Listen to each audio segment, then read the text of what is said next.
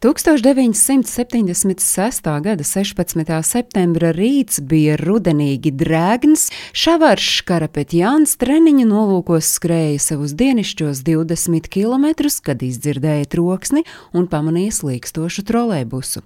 Precīzs avārijas cēlonis, kāpēc trolēbus iebrauca ūdenī, tā arī nav zināms. Daži teica, ka viens no pasažieriem pēc kārtīgas vārdu pārmaiņas uzbrucis vadītājam, kā rezultātā zaudēta kontrole pār braucamo. Vēl citi apgalvo, ka vadītājam bijusi sirdslēkme. Bet, jebkurā gadījumā, uzbraucot uz tilta pašā Erevānas centrā, trolēļus strauji mainījis kursu un iegāzies lejup Erevānas ezerā. Avārijas troksnis piesaistīja tuvumā esošo sportistu uzmanību, un viens no viņiem bija 23 gadu vecais peldētājs Šavarš Karapetjans, 11-kārtais pasaules rekordists, 17-kārtais pasaules, 13-kārtais Eiropas un 7-kārtais PSRS čempions zemūdens peldēšanā. Kā viņš pats vēlāk kādā intervijā teicis, Sākumā tas bija biedējoši. Troksnis bija tik skaļš, it kā būtu uzsprāgusi bumba. Es pats pāris reižu esmu slīcis, tāpēc varēju iedomāties šo 92 cilvēku mokas, un es zināju, ka viņi mirs un kā viņi mirs. Bet tajā brīdī Karapetjans aci nepamirkšķinot lēcis ūdenī, pavēlot savam brālim Kāmo arī peldēšanas čempionam palīdzēt viņam no krasta.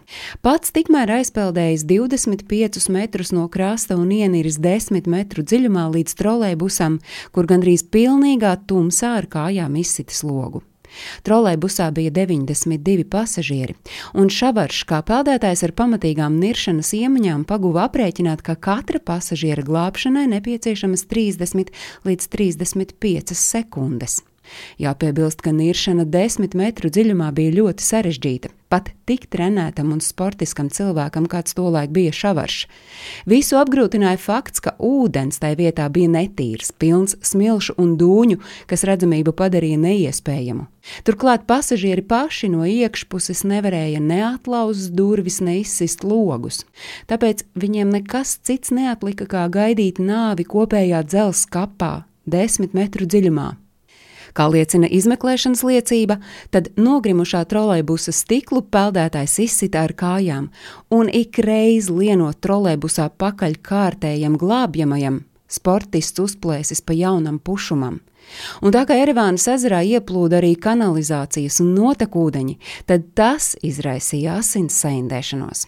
Glābšanas operācija ilga 44 minūtes, un pavisam no ezera viņš palīdzēja izkļūt 37 no 92 pasažieriem.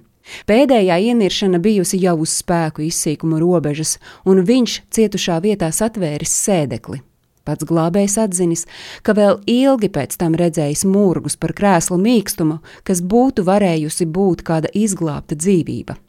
Diemžēl no visiem izglābtajiem mediķi turpat krastā strādājot varēja saglabāt 20 dzīvību.